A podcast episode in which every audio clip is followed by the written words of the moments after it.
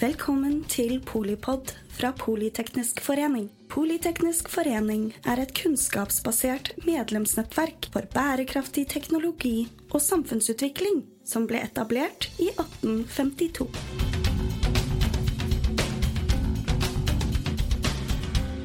Velkommen til eh, Polipod eh, og episoden om hva som skjer med solenergiindustrien i Norge.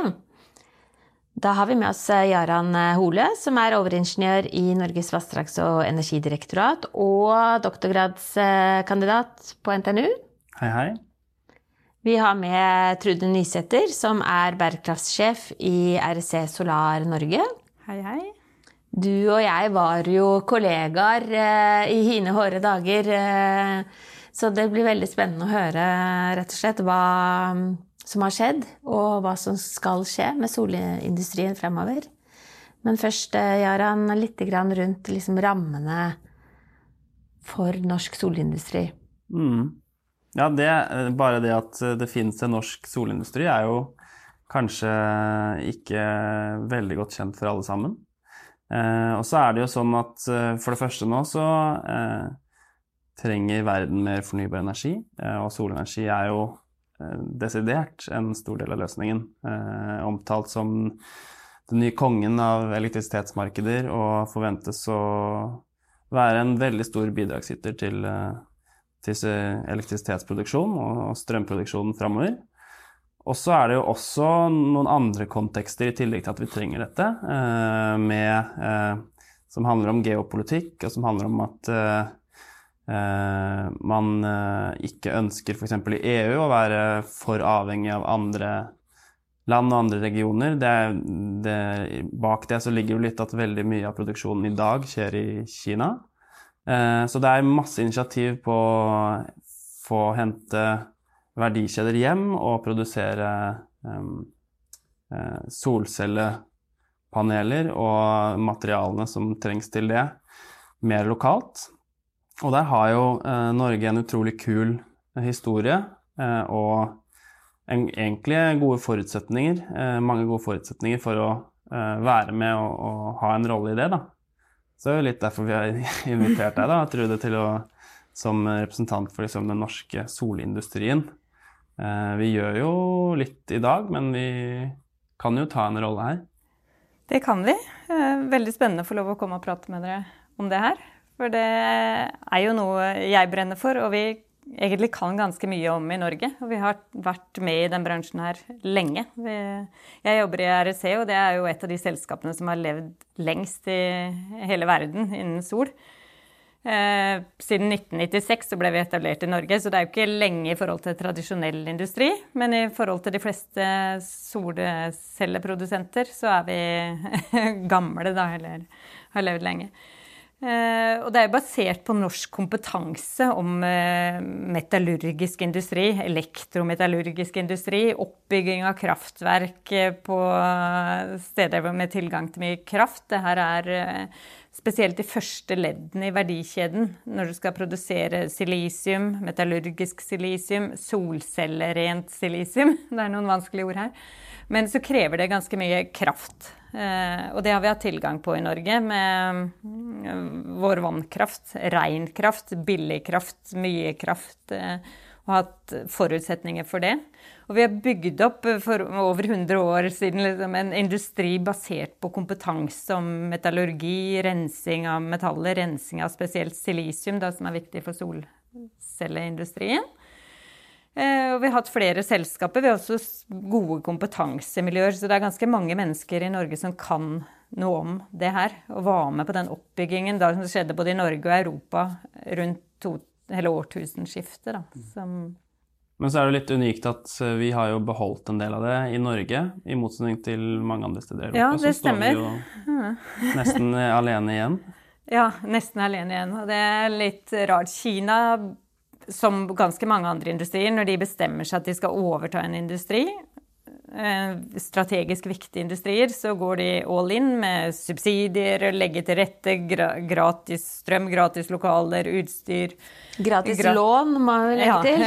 Ja, veldig mye sånn. Og tilgang på billig strøm. Ofte er det da kullkraftbasert eh, elektrisitet. Tilgang på billig arbeidskraft, som i vår del av verdikjeden dessverre er tvangsarbeid som man hører om, dessverre, i forbindelse med solcelleproduksjon. Eh, så eh, hva man kaller det i Europa, en sånn levelized playing field. Det er ulike spilleregler i Kina og i Vesten. Og så sier jeg ikke at vi skal ha andre spilleregler her, men det gjorde nok at vår industri sleit veldig. Og veldig de store aktørene i Tyskland som da eksisterte rundt 2010, de aller fleste av de forsvant ut. Og så vi som er igjen i Europa, er små aktører. Men i Norge er det tre aktører. For en drøy uke siden så var vi fire. Så det er jo et paradoks at det nå er, er vi tre her, da. Men vi har klart å klore oss fast. da små i forhold til de store kinesiske aktørene, men vi har kompetanse, og vi er her. Men til lytterne som, eh, som, lurer på hva dette mm. er, da. Du sier at dere produserer solceller rent silisium, mm. men hva er det egentlig? Hva er det? Eh, det er jo veldig, veldig rent silisium. Og så spørs det på de små urenhetene som er der, hvilke urenheter det er og sånn, for at det skal lede strøm på en best mulig vis, da. Så er det silisium som har eh, de rette egenskapene for å kunne eh, være bra solceller. Mm, så det er jo det halvledermaterialet som er liksom hovedbyggestenen og det man ser i en solcelle. Mm. Um, ja, det er jo det det hovedsakelig, eller selve solcellen består av. Så er et solcellepanel selvfølgelig både glass og aluminium og sølv og en del andre ting. Men og de, de, konkret dere da, i RSC eh, har to fabrikker i Norge som produserer litt ulike ting, men de henger sammen? De henger absolutt sammen. Eh, for dere som kjenner litt til solceller, så var det før nesten alt en sånn multikrystallinske solceller som besto av mange silisiumkrystaller. Og så har bransjen mer eller mindre eh, konvertert eller gått over til monokrystallinske krystaller. Det er en annen måte å trekke krystaller på. Eh, som krever, har andre eh, krav til egenskapene, da. Så for fire-fem år siden så produserte vi multikrystallinske blokker, som det heter, eller inngåtter, på Herøya. Og selve råvaren i Kristiansand, på Fiskå. Det her er en prosess som er utviklet av den gangen Elkem Solar. Så som nå er blitt REC Solar. Eh, nå så produserer vi de første trinnene eh, opp til en viss renhetsgrad på Fiskå i Kristiansand. Og den siste renseprosessen på Herøya i Porsgrunn. For det kreves enda mer av silisium når du skal ha monokrystallinske mm. silisium. Så, så, dere produserer på en måte materiale som eh, andre bruker eh, til å lage disse waferne, disse mm. tynne skivene som går inn i cellene. Mens mm. f.eks. Nordsjøen i Årdal mm. produserer både disse blokkene og wafere. Ja. Vi kaller det inngått, faktisk. Vi trekker opp av en sånn en digel, så trekkes det opp en stor eh, en krystall, en stor inngått, eller, som kuttes opp i blokker. Og det gjorde de også på Norwegian Crystals, som dessverre eh, annonserte at de gikk konkurs forrige uke. Eh, Nordsjøen trekker både de inngåttene og, og lager blokker av de, sånn firkanta silisiumblokker.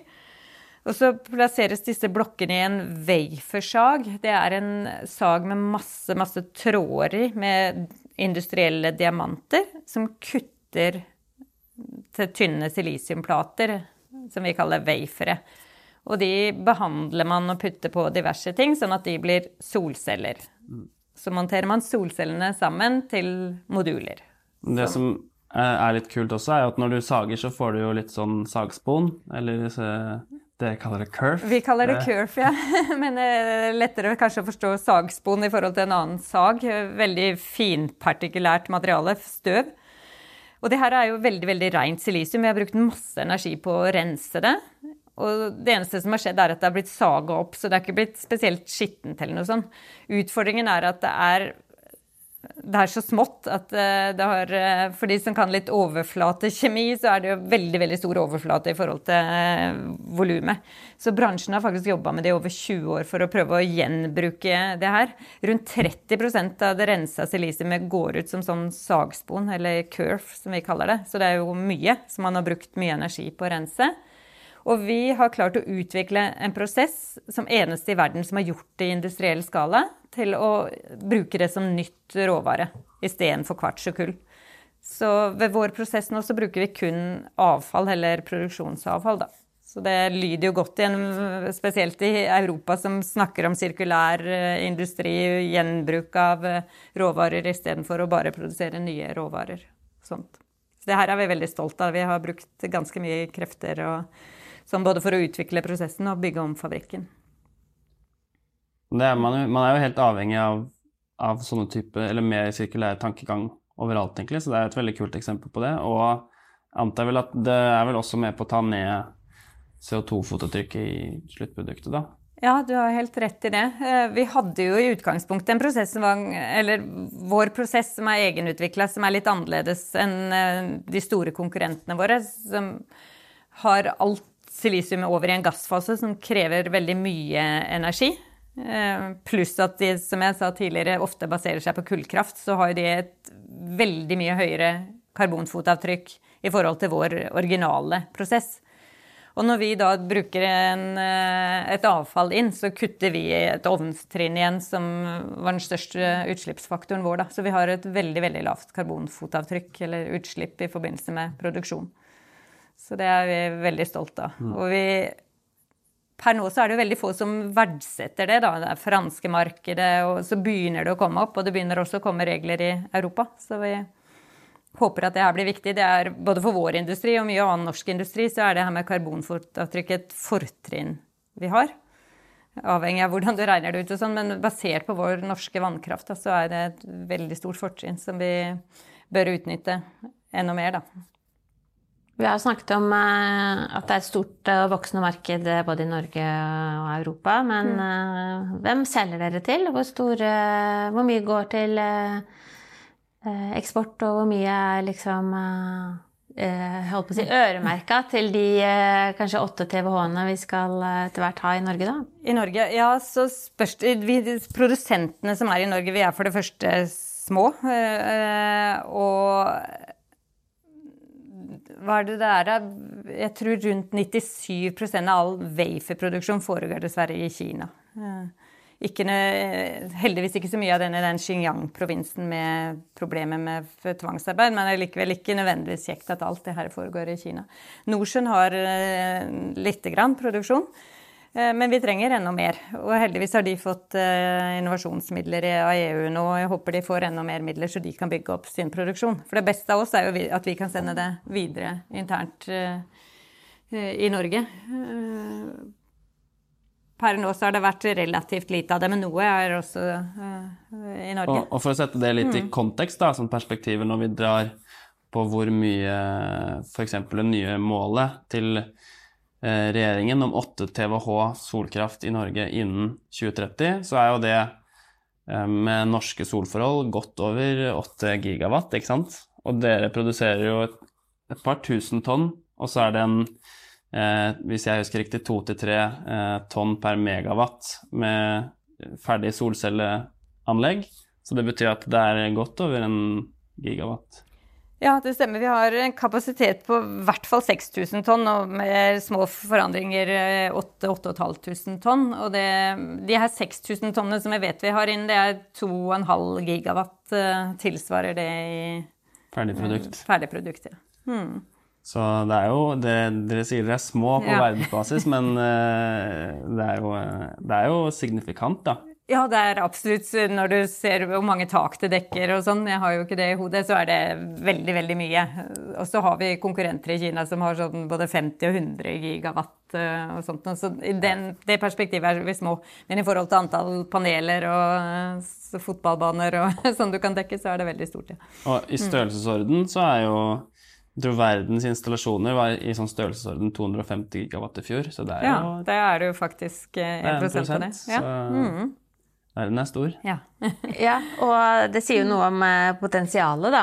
Også både det europeiske markedet. Det er jo, det er jo også en eh, forventet en fortsatt eh, nærmest eksponentiell vekst globalt for utrulling av solenergi. Sånn at selv om Kina er stort, så er jo resten av verden også stor. Hva mm, skal til da for at det blir på en måte det drypper på den norske solenergiindustrien som følge av den globale veksten? Ja, det er nok ganske mye som skal til. Det har vokst fram en uh, veldig bevissthet i Europa at vi trenger lokalproduksjon. For det at eh, EU kom med sin solstrategi uh, i mai i fjor. Og der står det store tall om eh, eh, mål for installasjoner, eh, regelverkforenklinger og opplæring og sånt noe. Og det står også en del om lokalproduksjon. Mm, Det er jo et mer alvorlig bakteppe på det her, som basert på ja, selvfølgelig klimaforandringer. Basert på pandemi, utfordringer med å få skipeting. Det- Panamakanalen var vel stengt et par måneder av et stort skip, og sånne ting som gjorde at det var vanskelig å få produkter eh, av alle slag, men også solcellepaneler og andre strategisk viktige produkter. Eh, og desto mer kanskje av krigen og den mm, i som eh, startet i fjor. Hvordan Russland kuttet gassleveranser, hvordan de bruker energiforsyning som en del av krigen. Så det her har et eh, alvorlig bakteppe, også sånn sikkerhetspolitisk. Hvor avhengig er vi av regimer som eh, kan være ustabile, eller som vi ikke kan stole på. Og der er ikke Kina heller et eh, land vi anser som det sikreste. Så man er veldig bevisst på at det her må vi kunne ha i hvert fall mye større kontroll på enn det vi har i dag. Så klarer man ikke 100% lokal produksjon på ganske lang tid. Men eh, få en stor andel av produksjonen. Så EU har vel et mål om 30 gigawatt lokal eller europeisk produksjon innen 2025, som er ganske kort tid fra nå, og dermed og økning av den etter det. For å kunne lage produkter til solceller, da. eh, Helst hele verdikjeden i Europa, for å kunne fylle inn på det eh, eksponentielle økningen, som du sier, av installasjoner av solcellepaneler, som man har et sterkt ønske om. Men Det er jo altså vanligvis når vi her i Politeknisk snakker om på en måte ny energi, da, så, så er det jo mye lengre tidsspann enn eh, det du, du Du snakker om 2025, det er jo nærmest eh, om et kvarter, på en måte. I, i, så det sier jo noe om teknologiens eh, Eh, altså hvor raskt det er mulig å, å faktisk eh, få opp veldig eh, stor kapasitet. Ja, jeg håper det er mulig.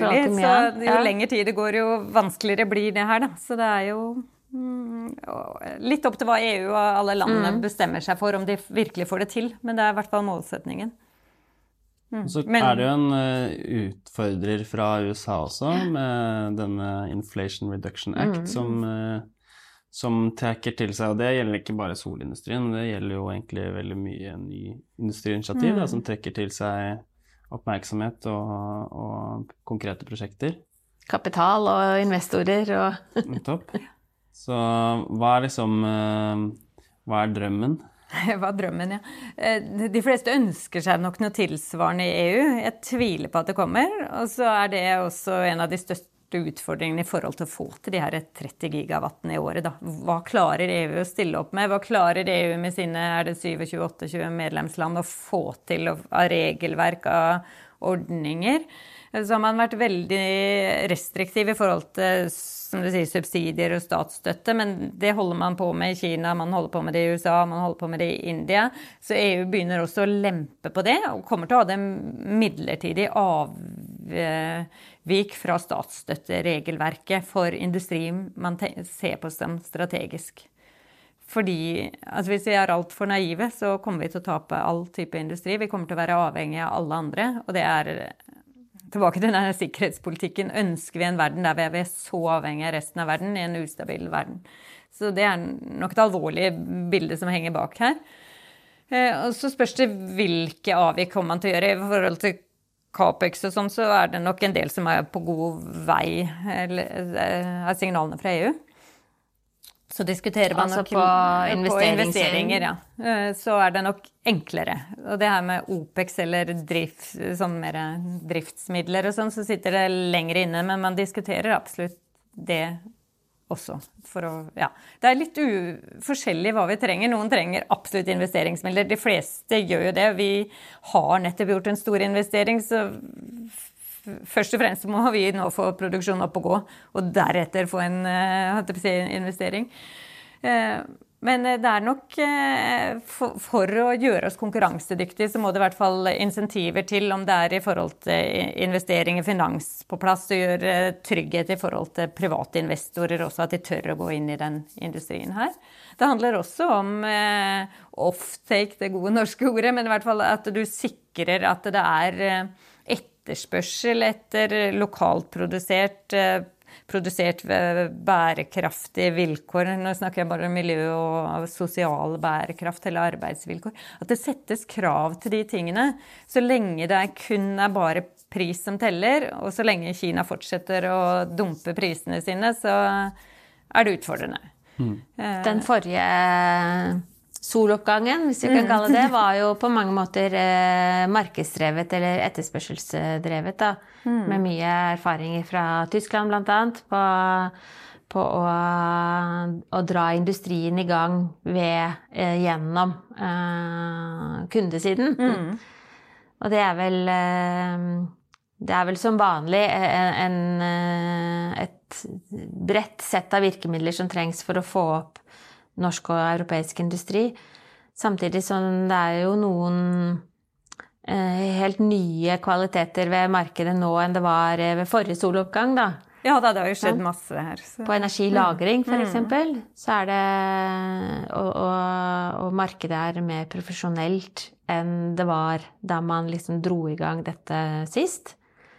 Så mm, for livets glade gutter så går solen aldri ned, og jeg er jo evig optimist der, men hva tenker du på Hvordan er det nye, det nye markedet, det nye solmarkedet, hvordan vil det være kjennetegnet fremover? Ja, jeg er ikke eksperten på det, men det, har forandra seg veldig. Og sol er jo det man ser i alle prognoser fra IEA og sånt, så er jo sol det som kommer til å vokse mest og en av de største eh, energikildene i Europa framover.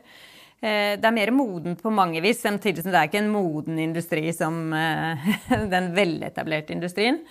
Men eh, det med distribusjon og sånn har jo vært tema, og jeg regner med dere har snakket om det i andre sammenhenger. Men det er jo en utbygging der for å gjøre det tilgjengelig og for å kunne få energien ut på nettet og alle de tingene her som må på plass, men der begynner det å komme mye. Lagring og batterier kommer til å komme enda mer. Man ser stadig flere og flere prosjekter. Batterier er fortsatt en dyr form. Da snakker du store bygg, flyplasser flyplasser og sykehus og sånt, eller hva? Også på privatboliger så kommer mm. nok etter hvert, men det er så dyrt foreløpig at det er ikke en eh, Da skal du ha veldig store idealer holdt jeg på å si, om å bruke all din egenproduserte strøm, for det blir nok veldig dyrt sånn det er nå så kommer nok prisen på batterier også til å synke betraktelig i året framover. Men storskala prosjekter så ser vi det mer både i testfase og, og planer nå. Mm. Men eh, hoveddelen av prosjektene er nok uten batterier og lagring. Det har jo også vært en Én mm. ting er kost, men det finnes jo andre virkemidler. Det har jo vært en prosess i EU som har Jeg vet ikke helt hvor den står nå, men vi var nå involvert i, i hvert fall i 2018 og litt etter det på dette som går med både å energimerke eh, solcellepaneler mm. og eh, stille det man har, kaller i økodesign-krav. Mm. Som f.eks. Eh, sier at du må ha et eh, så så, så bra klimafotavtrykk for å i det hele tatt kunne selges på markedet. Så det er kanskje andre muligheter enn eh, bare etterspørsel også? Noen krav? Og... Ja, det er regelverk på krav. Til, det er absolutt viktig, det, tenker jeg. Eh, og det hører med til det. Eh, jeg har også vært med del i den prosessen, og de bør komme i løpet av det neste året, denne øko- eller ekodesign på solceller. Jeg har vært veldig positiv. Nå er jeg litt usikker. Det er diskusjoner, og det er nok spesielt eh, en, del aktører som gjerne vil at kinesiske moduler skal kunne kjøpe seg fri. Så det her med opprinnelsesgarantier og sånt nå har vært et veldig tema der. Så jeg er litt usikker på hvor bra det blir for uh, europeiske leverandører. Jeg var mer optimistisk for et år og to siden enn det er nå. For hvis alle kan kjøpe seg fri fra det, mens vi som faktisk produserer på norsk energi, og har ren energi, kommer dårligere ut liksom, pga. at de store, rike aktørene kjøper seg fri, så uh, virker det mot sin sikt, da. Så får vi se akkurat åssen de reglene blir. Og så har dere vært med på å utvikle noen sånn EPD? Ja, det stemmer. Mm. Og det er en miljøvaredeklarasjon? Nettopp. Hva gjør dere der? Ja, Vi har utviklet den samme EPD Norge og en del andre ja, både norske og europeiske aktører. Et regelverk, hvordan du beregner Det her handler om karbonfotavtrykk, men også ganske masse andre miljøpåvirkninger. Eh, eh. Man er mest opptatt av selvfølgelig CO2 eller karbonfotavtrykk, men også andre utslipp av eh, miljøfarlige gasser og metaller og sånt, som er dokumentert der. Og så bruker man ISO-standarder for å beregne, men du trenger for spesifikke produkter og ha eh, tilrettelagte regler. Da, hva du skal ta med, og hva du ikke skal ta med, og hvordan du skal beregne. Så da laget vi en sånn PCR, eller Product Category Rules, som er regneregler for solceller. Og det, dette kan på en måte brukes hvis du gjør en anskaffelse eller noe sånn mm. anbud. Eh, hvis du kjøper inn solceller, eller du skal ha et nytt bygg som skal ha et så og så visst eh, miljøstandard, så kan man stille krav, og så, sånn sett drive markedet for solcelleanlegg med, med lave mm. Ja, det stemmer. For byggebransjen er ganske god på det her. Eh, der, spesielt for offentlige bygg så settes det ofte krav til karbonfotavtrykk og miljømerking. Så det var noe av bakgrunnen til det her, at uh, byggebransjen selv etterspurte det. For det at uh, Eh, hvis du bruker på en måte gamle verdier for solceller, så blei det veldig miljøødeleggende å, bruke. For det, eh, sånn at eh, ved å kunne regne på solceller og få det inn, så blei det mer attraktivt å ha solceller, som det bør være, da. Eh, og for alle andre materialer i et hus eller en bygning, så har du jo EPD-er. Eh, så bransjen trengte et sånt regelverk også for solceller, da.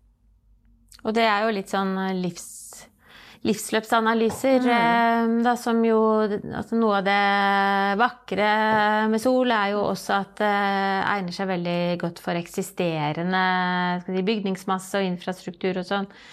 Mens en del andre energikilder som kanskje bruker lengre tid, er mer for nye prosjekter eller nyutbygginger. og og hvis du kunne tenke deg eh, løpet i Norge da, fra 25 mm, til Hvis 25 er om et kvarter eh, og 30 er i morgen, hva skal vi følge med på, vi som eh, heier på sol?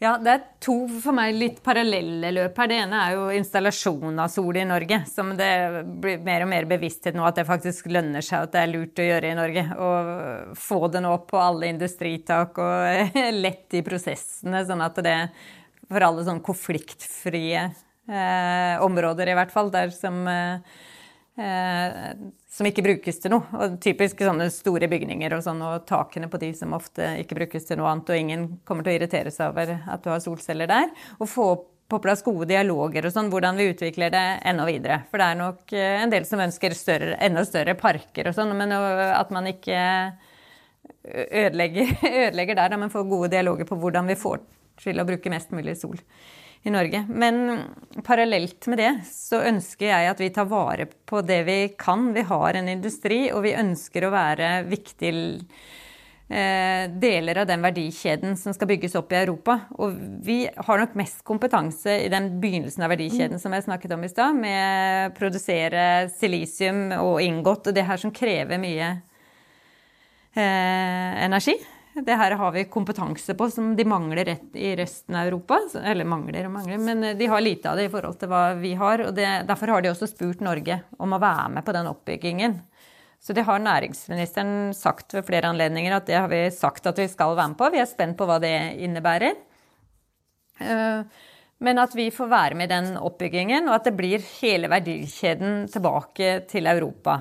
Så får vi se om hele kommer i Norge, men jeg tenker spesielt de første leddene av verdikjeden er det veldig viktig at vi eh, bygger opp og gjør enda større enn det det er per i dag, da, og sikrer at vi er med på den oppbyggingen. Mm. Og det er jo rett og slett også ved industristeder i det ganske land, hvor liksom prosessindustri er eh, både hjørnesteinbedrifter, men også kjernekompetanse. Og, og, og, litt sånn eh, ikke bare Altså det er kompetanse på mange felt da, som mm. Eh, ja, det stemmer absolutt. Og vi har jo hatt Den industrien i Norge er jo Vi har hatt i Kristiansand, eller har i Kristiansand og Porsgrunn. Norcen er i Årdal, Norwegian Crystals, Glomfjord, Quartz Corporation i Nordland. Så det er jo på steder med tilgang til nært til større kraftanlegg. Eh, og tilgang på det. Så du har jo spredd utover i Norge. Og så har du også kompetansemiljøer ved universitetene og forskningssenter rundt omkring i, i Norge, både Oslo og Trondheim, eh, NMBU og sånt noe. Sånn at det her er jo ikke bare ett sted, nei. Det er jo For ikke å snakke om INVE. Ja, ja, ja, ja, ja absolutt. Vassdrags- og, og Soldirektoratet, eller? Det er mange relevante innfallsvinkler fra oss, da. Én ting er jo den industrien og de spørsmålene med Vi har jo mange nye industrier som eh, kommer til å være utrolig viktige for eh, på en måte et bærekraftig samfunn framover. Mm. I tillegg så har vi jo eksisterende industri som i dag bruker fossil energi, som vil eh, ta i bruk strøm og kutte sine utslipp. Eh, så det er jo et sånn bilde der òg om tilgang på denne kraften. Både energieffektivisering blir jo helt essensielt, og tilgjengeliggjøre den kraften vi allerede har bygd ut ved å slutte å sløse og fyre for kråker. Eh, men også det å bygge ut nok nett. Eh, det er jo kjempesentralt for f.eks. naboene deres på Herøya og, og, og, for industrien generelt. Da. Så det er mye relevant i tillegg til at vi følger med på sol uh, i denne diskusjonen her. Da. Sol og vann hand i hand? Absolutt. Ja, det er jo en del av de, de fordelene vi har som, som, gjør at vi kan fase inn en del solkraft mm. i Norge. Da, at vi har eh, flere andre energikilder å spille på. Og, eh, som nevnt tidligere også eh, i en annen podkast, eh, halvparten av Europas magasinkapasitet er i Norge. Det er jo et godt utgangspunkt. Tusen takk, eh, Jaran Hole, overingeniør i Norges vassdrags- og energidirektorat og doktorgradskandidat ved NTNU. Takk selv. Tusen takk, eh, Trude Nysæter, eh, bærekraftsjef ved REC Solar Norge. Takk for at jeg fikk være med. Og tusen takk til deg som hører på Polipod eh, når og hvor det passer deg. Må jo si sol ute, sol inne, sol i hjertet, sol i skinnet. Takk for at du lyttet til Polipod fra Politeknisk forening. Få med deg flere episoder eller bli med på nettverksmøtene, som du finner ved å søke at polyteknisk, eller gå på vår hjemmeside polyteknisk.no.